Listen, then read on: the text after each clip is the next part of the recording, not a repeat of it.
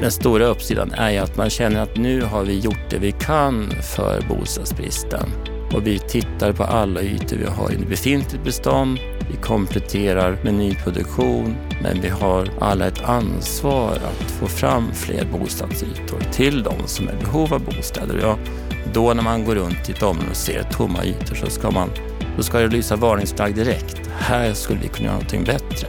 Man kan göra saker bättre hela tiden.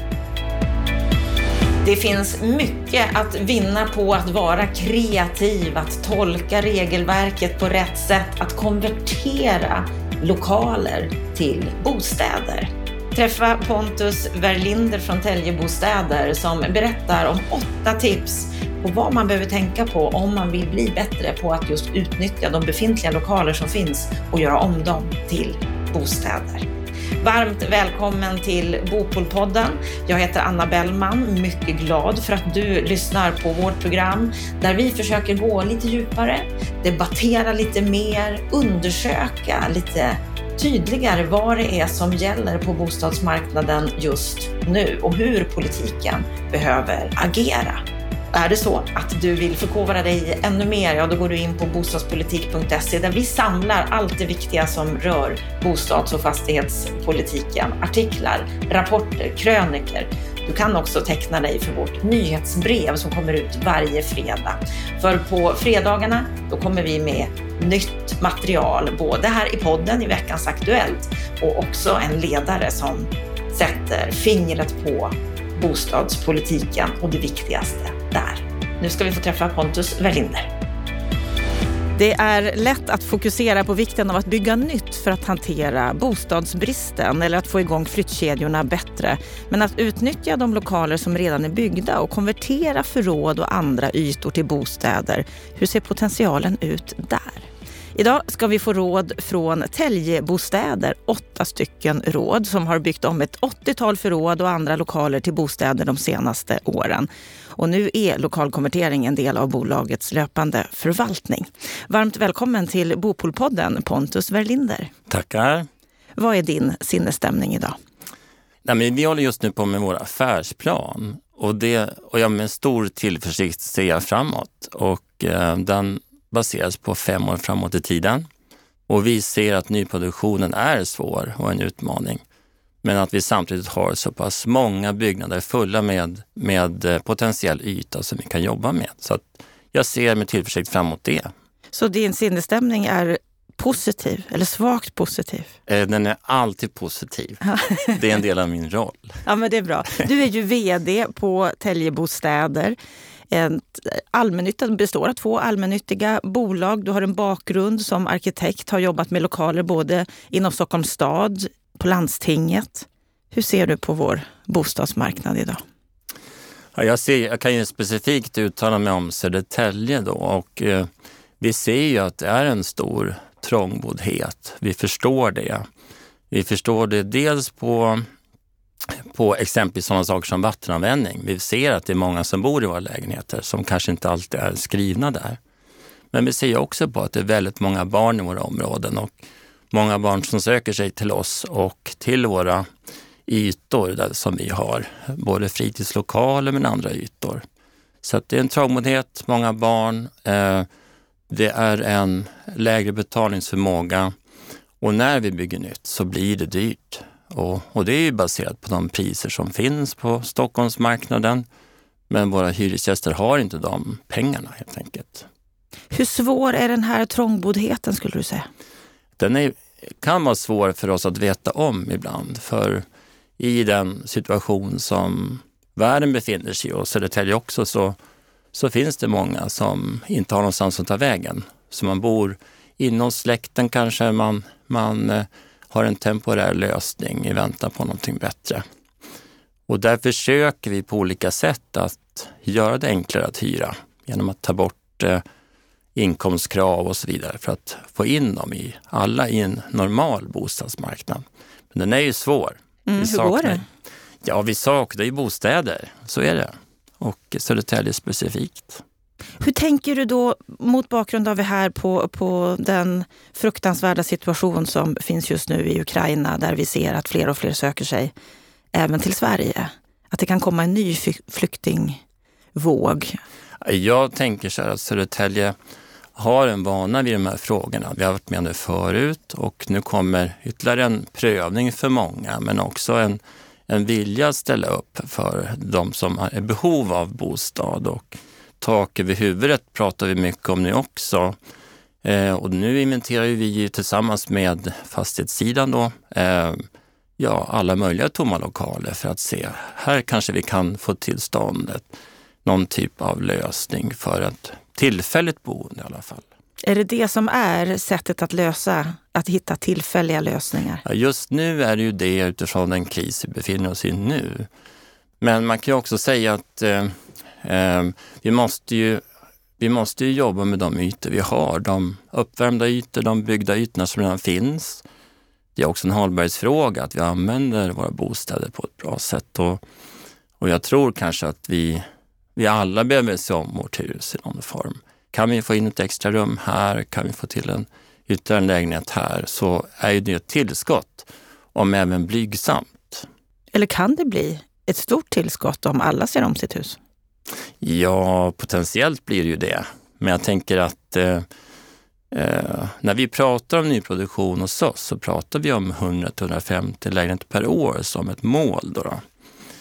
Eh, men nu har vi lyckats ändå eh, komma upp till runt 80 lägenheter genom att titta på befintligt bestånd. Så det är klart att det är ju, det är ju nästan ett årsmål då, med, genom att inventera det vi redan har. Och, och vad är det ni hittar då? Ja, man kan tänka så här att om man kommer in i ett läge där det finns mycket mark att bygga på och mycket byggrätter och man kan producera nytt så, och allting efterfrågas så blir man lite bortskämd helt enkelt. Man, man bygger nytt och man tänker inte så mycket på det man har och man producerar och eh, allting efterfrågas och så. Men i vårt fall är det ju så att vi har få byggrätter. Det vi bygger nytt eh, är för dyrt i relation till, till vad många efterfrågar. Så då måste man ju tänka om och se, kan vi göra någonting bättre av det vi har? För vi har ju väldigt mycket idag som bestånd. Och jag tror att i brist på annat så blir man ganska kreativ. Och jag, jag tror att det här är en kreativ process. Man måste tänka nytt, man måste tänka mer öppet och utan för mycket förutfattade meningar som, som kanske handlar om, kan man verkligen bo på bottenvåningen eller så? Eller ja, alla möjliga tankar som man kan ha kring, är det här ett bra boende? Eh, och det blir bra boenden, men de blir lite annorlunda boenden. Det kan vara högre till tak, det kan vara suterrängplan, det kan vara lite olika eh, boenden som kommer fram här. Jag tänker saker som många eftertraktar, både högt i tak och suterräng. Jag tänker det också. men då kan man ju säga att, att eh, jag som bakgrund som arkitekt ser ju det här som ett tillgång till befintliga beståndet eh, och någonting annorlunda som, som jag skulle efterfråga själv. Men vi är ju alla olika här, tänker jag. Men kan det vara en del i problematiken, i utmaningen som vi har på vår bostadsmarknad idag när vi saknar bostäder, att vi är för låsta i vad vi tycker är en bostad? Ja, men det tror jag. Jag tror att alla, alla som har flyttat till ett eh, storstadsområde, som jag också har gjort, eh, förstår ju att när man kommer in i en storstadssammanhang så förstår man att varenda kvadratmeter är viktig på ett sätt som man kanske inte är van vid. Och då blir man mer kreativ, försöker lösa saker på en mindre yta och försöker använda ytor två gånger eller tre gånger samma yta. Och på så sätt tror jag man kan komma längre och även om det finns mycket mark att bygga på så måste vi ändå tänka så här för resurserna är, är inte oändliga. Så.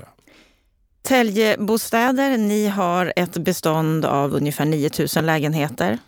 Ja. Och de senaste åren så har ni ju inte bara satsat på ny, nyproduktion utan precis som du säger på att konvertera bostäder. Vad har varit den främsta drivkraften skulle du säga för att ni började bli mer kreativa och titta på lokalerna på det här sättet? Alltså drivkraften är ju att det finns en bostadsbrist och vi försöker lösa den men också att eh, när vi går in i de olika områdena som ser väldigt olika ut, det kan ju vara från sekelskiftet, förra sekelskiftet fram till, fram till idag, så, så kan man också passa på att komplettera det beståndet man har. Det blir ju tillgängliga lägenheter eh, om man har behov av det. Men det blir också eh, moderna lägenheter i den formen att de redan är, är renoverade och klara. Så att det blir ju ett tillägg till det befintliga beståndet kan man säga. Där kanske äldre kan flytta hit och bo kvar i området, exempel. Eller också att man kanske har eh, en majoritet av bara ett område och vi kan få till en större lägenhet. Så det blir som en komplettering också och kan, och kan öka på rörligheten i beståndet. Men fullgoda bostäder där man ja, kan bo länge, inga precis. tillfälliga... Nej. Så. Jag tror det finns flera motiv till det här. Du har ju blivit lite uppmärksammad för detta. Det har skrivits lite grann om det och jag läste i en artikel att 2020 så utökades ert bestånd med 12 nya lägenheter från lokaler då som hade byggts om och att det i år blir ytterligare 66 nya lägenheter. Vad skulle du säga är det svåraste med att göra ett sånt här projekt, att, att jobba på det här sättet? Jag tror att man måste vara väldigt uthållig för det är, det är många utmaningar i det här. Dels att tänka nytt är ju utmaningar i sig ofta. Men jag tror också att man måste eh, få, fram, få till en bra relation till kommunens bygglovhandläggare och deras regler, reglementen. Vi ska ju aldrig gå emot regler, men man måste också ibland fundera på eh, syftet med en regel och ändamålet med den och, eh, vad man, och den efterfrågan på bostäder vi har. Och ibland kan ju regler bli lite väl hårda eh, och där får man ha en dialog kring att man kanske kan, kanske kan få till tillgängligheten på ett annat sätt. Att man, man går in från, från utsidan och inte behöver gå in i porten om det skulle vara så. Så att man måste vara lite öppen för andra lösningar. är jag. kommunen öppen för andra lösningar? Eh, ja, jag tror att man som, som bostadsbolag eller som byggare behöver man ha kompetensen även hos sig själv. Hur man tolkar regler och hur man kan hur man kan komma framåt. Exempelvis i vindsinredningar som är ett exempel på det också. Att, ja, hissen kanske inte går hela vägen upp, men om vi bygger mindre lägenheter för ungdomar kanske det kan fungera ändå. Även om det inte är alltid tillgodosett som, som nyproduktionsregler. Och så tror jag också man behöver en mängd sådana här lägenheter eller lokaler samtidigt som man driver. Så man har väldigt många samtidigt och så driver man dem framåt. Och ibland så trillar någon ut och så kan vi bygga. Och ibland så får vi vänta något år och så är det så. Vi behöver tänka portföljer här och tänka framåt. Tänka portföljer, tänka kreativt, tolka regelverket så att det går att genomföra. Ja. Tolkar jag dig så? Ja, absolut. Och det går att göra det, alltså att tolka?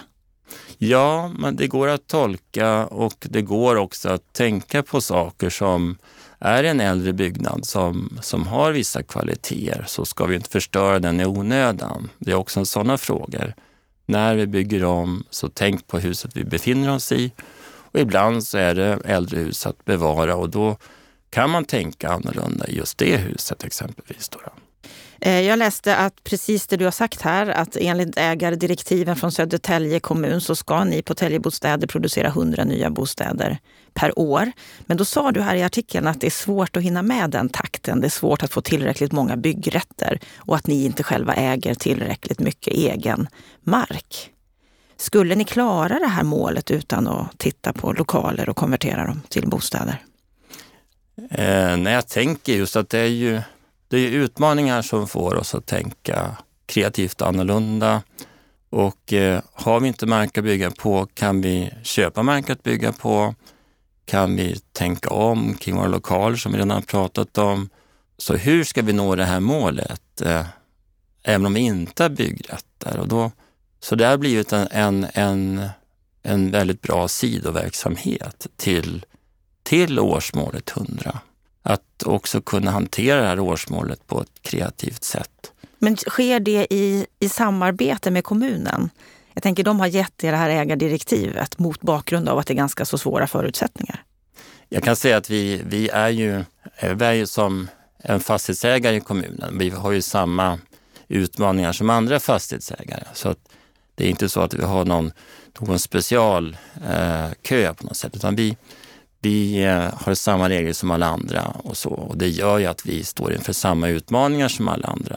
Dock har vi ju det här målet att vara en del av kommunens bostadsförsörjning. Och då ska vi leverera på det. Om inte annat utifrån ägaren, eh, dock i avsaknad, dock i avsaknad byggrätter. Men också utifrån att vi ser ju att våra hyresgäster bor trångt, vi vet att de gör det och vi behöver fler bostäder. Så man kan ju också se det utifrån kunderna eller hyresgästernas perspektiv, att vi gör det också för dem.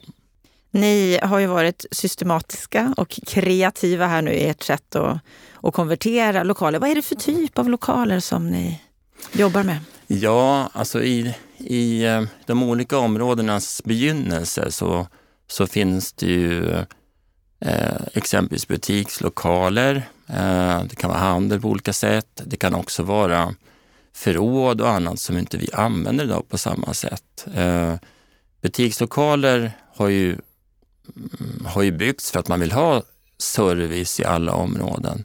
Men ibland har det blivit för många butikslokaler. Det finns inte hyresgäster som, som är villiga att betala och driva verksamheter där. Och då måste man ju tänka om och, och, och fundera, ja men hur ska vi göra nu med de här tomma ytorna? Även om detaljplanen säger att det ska vara bostäder eller kontor så kanske vi måste tänka om här nu. Det kan ju inte stå tomt. Och, eh, så det är ju ett sätt att titta på. Annars kan ju vara våra egna personallokaler ibland som där vi har kanske använt en lägenhet som projektkontor under en period eller, eller annan mötesplats där vi kan lägga den på ett annat ställe helt enkelt. Så det handlar också om att matcha behov och lokaler med varandra och se. Och alltid med syftet egentligen att kan vi få till en lägenhet så anpassar vi de övriga frågorna utefter det. Är det tillfällen när ni kände att nej, det här går inte? Ja, det var lite utmaningar i början för vår projektledare som startade det här. Det var väldigt långa ledtider och processer. Väldigt många nej av olika skäl. Men vi såg också att eh, det här måste vi jobba med för vi kan inte eh, med hedern i behåll ha tomma ytor och samtidigt bostadsbrist i Södertälje. Vi måste göra någonting åt det. Och det här var ett bidrag, litet men ändå gott flera utmaningar för att få det här att fungera. Bland annat att få bygglov vad jag förstår. Ja, dels det, men sen kom ju också pandemin här, eller hur? Och då, då börjar ju kontorsytorna bli mindre attraktiva och då kommer vi in i nästa skede, tänker jag, som, som handlar om behöver vi de här kontorsytorna vi har idag? Många har jobbat hemifrån och mycket fokus på det. Och vad betyder att jobba hemifrån i en trång lägenhet? Ja, det betyder att det är lite svårt att få till. Så jag tror att vi behöver gå in i nästa skede som handlar om att eh, konvertera fler kontor som är lämpliga för bostäder. Inte alla byggnader som är det. Men också se över, kan vi använda ytor i våra bostadsområden att kunna jobba utifrån? Så då kommer vi in i ett nästa steg här, tänker jag, framöver. Lite mer coworking? Coworking-ytor, men också tänker jag att fundera över exempelvis Södertälje centrum som har lite utmaningar kring, kring handel och attraktivitet. Att få in fler boenden i centrumkärnor är ju jätteviktigt för att ett centrum ska fungera. Och då tror jag att kontorskonverteringar är en del av det.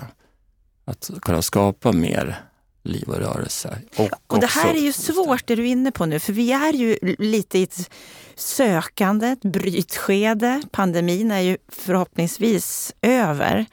Men ändå vill många fortsätta jobba hemifrån. Hur tänker ni där för att navigera rätt? Det kan ju vara så att vi inte ser så mycket hemarbete framåt, även om många undersökningar pekar åt det hållet. Vad, vad, vad tror du själv?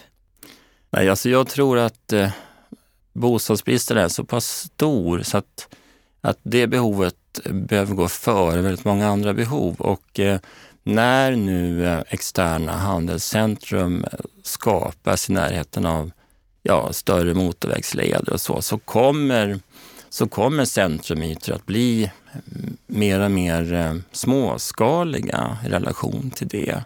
Och då är man beroende av boenden som bor ja, på gångdistans då till de här serviceytorna. Man är beroende av, av personer som bor i närheten att kunna köpa och, eh, eh och inte kanske så är beroende av bil. Så att jag tror att man behöver tänka centrum, fler bostäder, närheten till kollektivtrafik. Vi pratar om 15 minutersstaden, att det ja, ska vara längre än 15 minuter till någonting. Absolut. Är det lite det du är inne på, att skapa en mer levande stadskärna, ja, fler jag, boenden? Jag att det faktiskt kan bli något positivt? Att det blir positivt. Nu är Södertälje en väldigt bilburen stad på många sätt, men jag tror att man kan också ändra på det och och att, att placera fler, att bostäder placeras i centrum är ju en del av den utvecklingen. Att få tillbaka centrumkärnans attraktivitet och, och där kan vi vara en del av det. En annan utmaning som du har nämnt det är just kostnaden för att producera en lägenhet från en lokal jämfört med att eh, producera en helt ny lägenhet. Att den kostnaden nästan är lika stor. Precis, och, och där kan man ju se det som att kostnader när det gäller lägenheter, de, de behöver man se på lite olika sätt. Dels är det en kostnad att upprätthålla en bra miljö, det vill säga att man har en bra bostadsmiljö och eh, med hållbara material och sådär. Att man tänker väldigt långsiktigt. Byggnader är ju långsiktiga. De finns i vår närvaro 50 till 100 år. Så det är som en kostnad i sig, att satsa på framtiden. Så den andra delen är att, att försöka på den yta man har få till så pass många rum som möjligt. Och där måste man vara kreativ också. Det går inte att tänka eh, för enkelt här, för alla ytor som egentligen inte bidrar till funktioner måste ju tänkas bort. Och då då måste man tänka lite mer kreativt kring det här. Vad, vad, är ett kök och vad är ett vardagsrum? Och här har vi sett olika varianter på det under åren.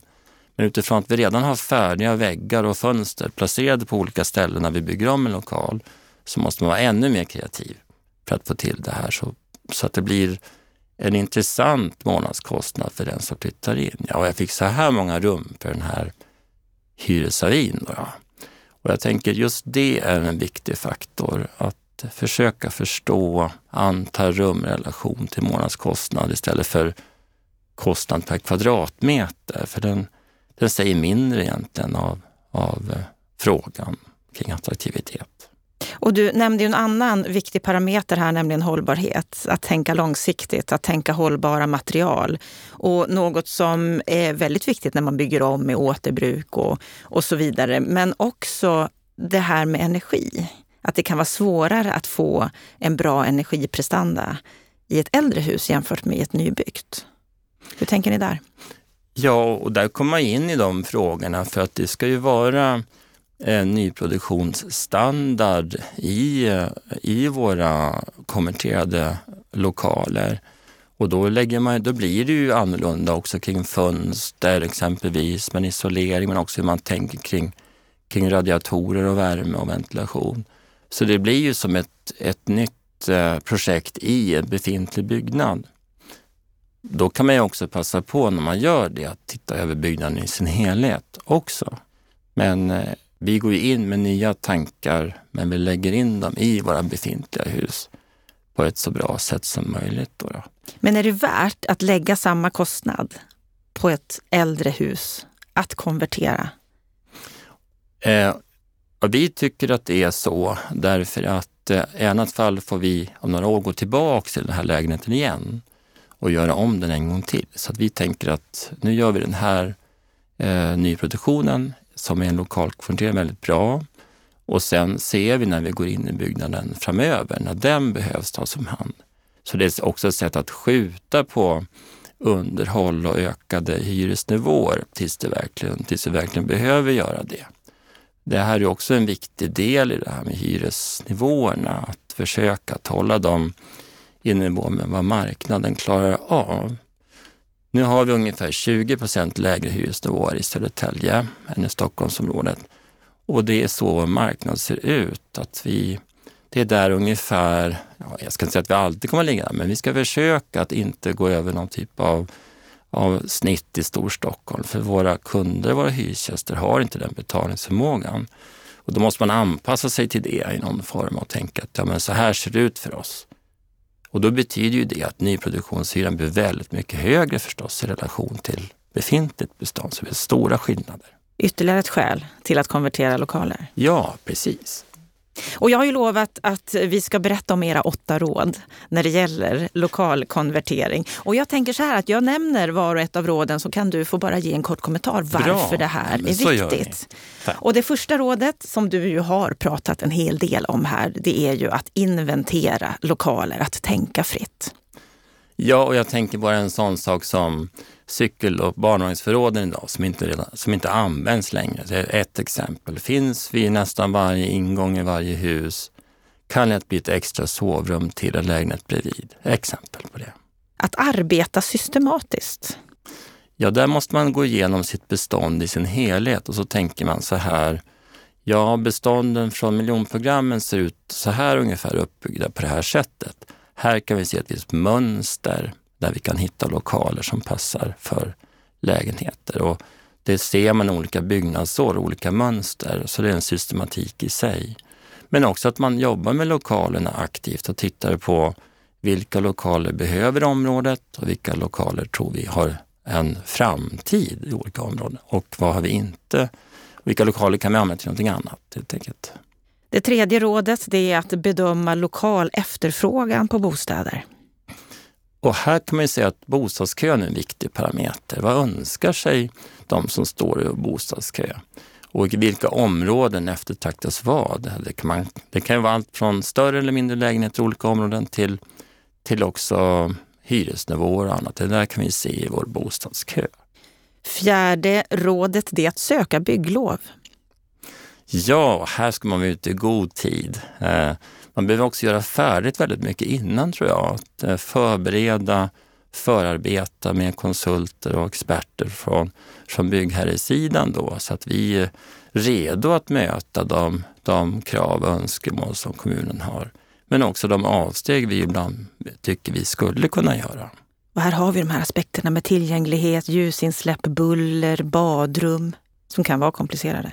Ja, framför allt är det ju tillgänglighetskraven som ofta är viktiga. Och det är klart, bygger vi, en, bygger vi om en lokal i en 50-talsbyggnad så är det klart, det finns ingen hiss idag.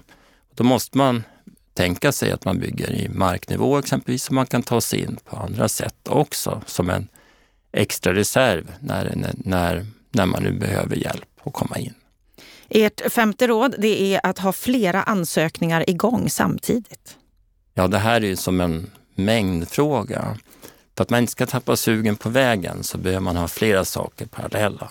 Så att det alltid finns någonting vi kan genomföra, så vi kan använda våra investeringsmedel varje år till lokalkonvertering. Men vi vet inte exakt vilken konvertering som kommer att hända vilket år.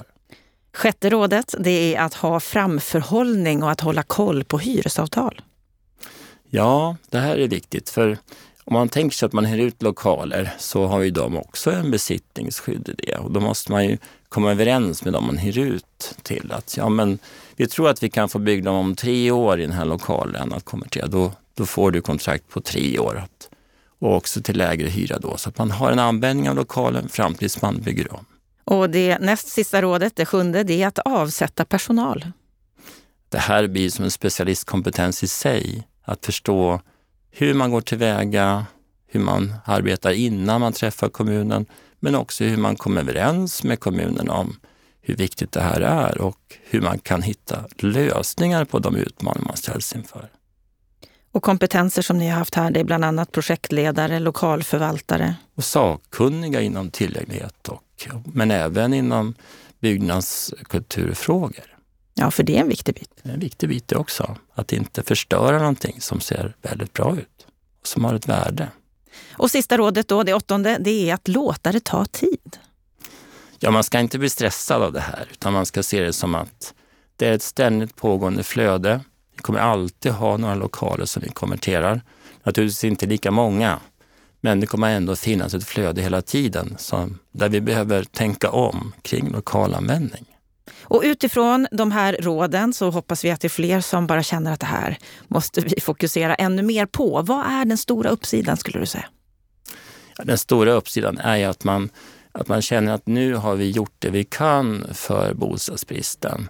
Och vi tittar på alla ytor vi har i befintligt bestånd. Vi kompletterar med nyproduktion, men vi har alla ett ansvar att få fram fler bostadsytor till, till de som är i behov av bostäder. Jag, och jag tänker, då när man går runt i ett område och ser tomma ytor så ska man då ska det lysa varningsflagg direkt. Här skulle vi kunna göra någonting bättre.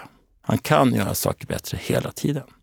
Finns det någonting som den kommunala nivån, politiken skulle göra för att underlätta för det här? Ja, jag tror att man skulle behöva vara mera fokusera på den här frågan och avsätta resurser just till den här diskussionen om lokalkonvertering. För vi, jag tror att lokaler eh, kommer att, att bli färre och efterfrågan kommer bli lägre och vi, vi kommer att sitta i de här frågorna ganska mycket framöver. Hur vi ska konvertera ytor till någonting annat. Och då behöver den här processen gå fortare. Du har sagt här att just lokalkonvertering är en viktig sidoverksamhet till er övriga verksamhet. Hur stor del är den? Ja, den här andelen lokaler vi konverterar nu, det kanske som man ska tänka sig något, något snitt de här åren så har det blivit kanske 30-40 lägenheter per år. Eller sånt där. Så det är en blygsam andel men ändå en tredjedel av vårt årsmål. Så Inte tänker, så blygsamt. Bra, tänker jag. Mycket bra. Jag har gjort det bra. Ja, du är nöjd? Ja, jag är jättenöjd. Men hur många fler kan ni konvertera framåt? Jättebra fråga. Det är klart det blir lägre nu framöver. Nu har vi tagit de första enkla frågorna, kanske man kan säga. Nu kommer vi in i mera frågor som kanske handlar om detaljplaneändringar som tar längre tid. Men då ska vi passa på nu och fortsätta jobba på det här sättet. Och vara ännu mer kreativa. Ännu mer kreativa. Tolka regelverket ännu mer fritt. Absolut. Ja, det låter bra. Stort lycka till med det och tack för att du kom till Bopolpodden. Tackar, tack för att jag fick komma. Tack, tack.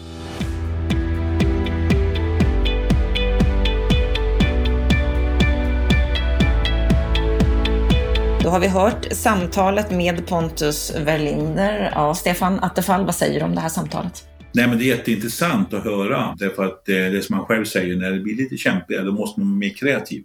Men man ska också ha i bakgrunden Södertäljes situation, tagit emot många människor med invandrarbakgrund, har haft en ganska så här, låg eh, försörjningsgrad, det vill säga många som inte haft jobb och inkomstlägen är ganska svaga.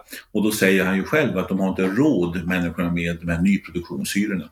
Och det ligger mycket i detta, men man ska också komma ihåg att Södertälje har byggt ganska lite under gångna år. Eh, kommunala bostadsbolag har inte byggt särskilt mycket och har kommit igång mera här under senare tid. Så att det finns också ett underskott på nyproduktion under längre tid. Och vi vet ju alla att det som byggdes för tio år sedan är mycket billigare än det som byggs idag. Nyproducerat är alltid dyrast. Eh, så att det, det hör, hör till problembilden. Men sen är det också stor trångboddhet som man själv säger och eh, människor har inte eh, pengar. Och det är ju generella problem som måste lösas med arbetsmarknadspolitik, att folk kommer försörjning, men också typ nationella instrument som bostadsbidrag och liknande saker som inte heller höjts på länge, som skulle kunna vara ett verksamt hjälp till människor att kunna efterfråga en modernare standard på sin bostad. Ja, så det är ju en rätt besvärlig situation i Södertälje om man jämför med andra platser. Ja, de har en särskild utmaning. Det vill jag nog påstå också att de har. Men eh, jag tror att det är rätt av dem tänka i nya banor och jag tror det här med lokaler är en, faktiskt en jättebra idé att exportera därför att eh, lite grann gör väl alla det. Jag har själv varit ordförande för ett kommunalt bostadsbolag och när flyktingkrisen var 2015 så inventerade också vi vad vi kunde konvertera för lokaler och tog fram ett antal lägenheter den vägen. Så att det här tänket och hans åtta punktslista tycker jag var jättebra praktiska råd eh, om varje kommunalt bostadsbolag, men också privata bostadsbolag, tänker igenom de där punkterna så visst kan man plocka fram.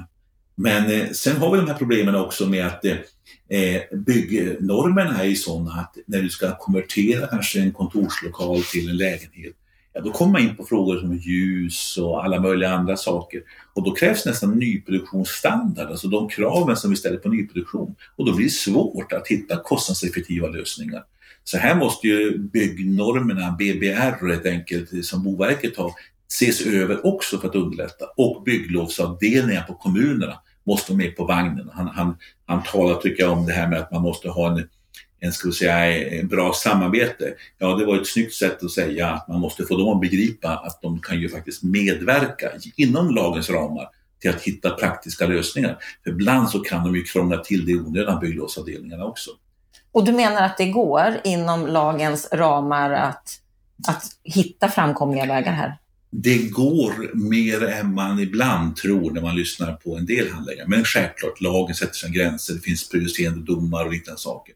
Men en, en, en ska säga, kreativ bygglovsavdelning kan ju försöka medverka så mycket som möjligt till att vi får just kostnadseffektiva lösningar. Eh, därför att man kan ju ibland ställa krav. Många gånger är det ju bedömningsfrågor också. Eh, så att det, finns någon anledning. Ta exempelvis bevarandefrågor. Man kan ju bedöma att ett hus ska bevaras på något speciellt sätt fast det inte är utpekat som särskilt kulturminnesmärkt eller sådana saker. Och då driver man upp kraven på ombyggnationen så högt så att det blir inte ekonomi i det hela. Det finns sådana exempel också. Ja, han var ju inne på det att man ska tolka lagen på rätt sätt. Ja, och det där måste man hjälpas åt med. Jag tror att ett kreativt eh, fastighetsbolag och en kommun som också vill medverka och så att också Boverket och regeringen gör förändringar i BBR. Det finns ju en utredning som har tittat på ett antal förändringar av BBR som inte har blivit så mycket praktisk regerings och riksdagspolitik av ännu. Så det finns mer att göra här för att underlätta regelverket. För att det gäller ju att få de här konverteringarna av lokaler också att bli inte bara bra bostäder, också kostnadseffektivt så att det går från vettiga hyror. Ja, han berättade ju att de har vridit och vänt på alla stenar. Det finns ju inte hur många stenar som helst att, att, att lyfta inom det här området när det gäller lokaler. Men om vi ska tänka på andra kommuner, hela landet. Vi säger att vi har bostadsbrist. Hur mycket tror du att vi skulle kunna lösa bostadsbristen genom att konvertera lokaler till bostäder? Ja, alltså Täljebostäder sa att de fick fram 80 lokaler här nu på ett par år. Eh, 80 lägenheter eh, från att konverteringar. Eh, du, varje kommunalt bolag tror jag kan åstadkomma någonting liknande som är av viss storlek i alla fall. Så att du räknar ihop det runt om i Sverige så blir det ganska många, det blir tusental lägenheter som du kan få fram. Och det tror jag är viktigt eh, och angeläget. Och sen vet vi också att en del affärslokaler exempelvis, de är inte längre lika lätt att hyra ut dem. Vi vet att det finns en del kontor, vi vet att det finns en del lokaler som används för allmänna göromål. Jag tycker också det är kreativt att tänka så här också att ja, det finns ett rum, ett, barnvagnsrum, kanske en fastighet, som slår man ut, kanske öppnar upp en dörr så är det en extra rum till en lägenhet alltså. I sig då kanske inte ljusinsläppen är maximala, men det går kanske ändå ändå använda som någon typ av utrymme för en lägenhet där man är trångbodd idag. Så att jag tycker att det, det är kreativt, alla borde göra den här hemläxan och en del gör dem vet jag redan, men fler skulle kunna göra det och sammantaget så blir det ganska många nya bostäder. Han var ju inne på ett spännande tanke också när det gällde att vi inte ska vara så låsta vid kvadratmeter utan mer tänka på vilka rum som finns i en bostad. Mm. Ja men det är ju riktigt, det är riktigt. Och det är ju så, går jag och köper mig en, en ny lägenhet, jag ska byta lägenhet och köper mig, så, vidare, så är det funktionen jag vill ha det första antal kvadratmeter. Men det, det har blivit kanske en fixering vid antal kvadratmeter. Det, vi mäter på det sättet. Men visst, det är ju sant. Eh, bra lösningar och, och eh, hitta bra, bra ska vi säga, funktionaliteter.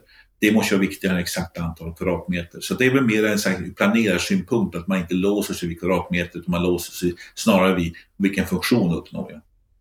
Men om vi ska lyckas konvertera betydligt fler lokaler till bostäder, hitta en del av lösningen på bostadsbristen, så är det ju några saker som du har ju varit inne på, på det här med att det måste gå att få ekonomi i det. Det ska inte kunna vara lika dyrt att konvertera en lokal som att, som att bygga nytt. Men vi har ju också det här med tillgänglighet mm. som också måste bli lättare.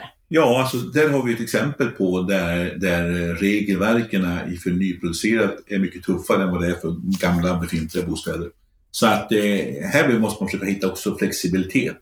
Det viktiga är att uppnå tillgänglighet, inte kanske exakt varenda kvadratmeter. Men eh, här vet vi att lagstiftningen är mer strikt än vad kanske vad den, eh, den praktiska verkligheten egentligen skulle kräva. Och här måste vi också våga ifrågasätta en del gamla sanningar. Även om jag vet att det finns starkt motstånd från många för detta. Men jag tror att ska vi komma fram på vettiga priser, då måste vi se till vad uppnår vi totalt sett, inte bara i varje enskilt fall. Så våga och våga vara mer kreativ och tolka regelverket så att mm. det går.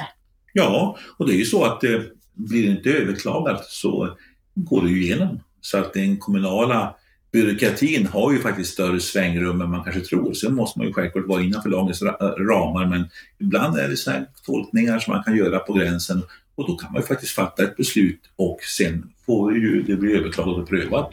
Och förlorar man då, då vet man hur man ska rätta sig i framtiden. Men eh, blir det inte överklagat, då är det ju giltigt.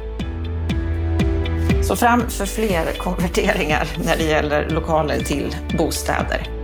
Det var Bopolpodden för den här veckan, nästan. För på fredag då är vi tillbaka igen med veckans Aktuellt, det senaste som har hänt under veckan som har gått. Jag hoppas att du är med oss då och att du också tittar in på sajten bostadspolitik.se. Med detta så önskar vi dig en trevlig vecka.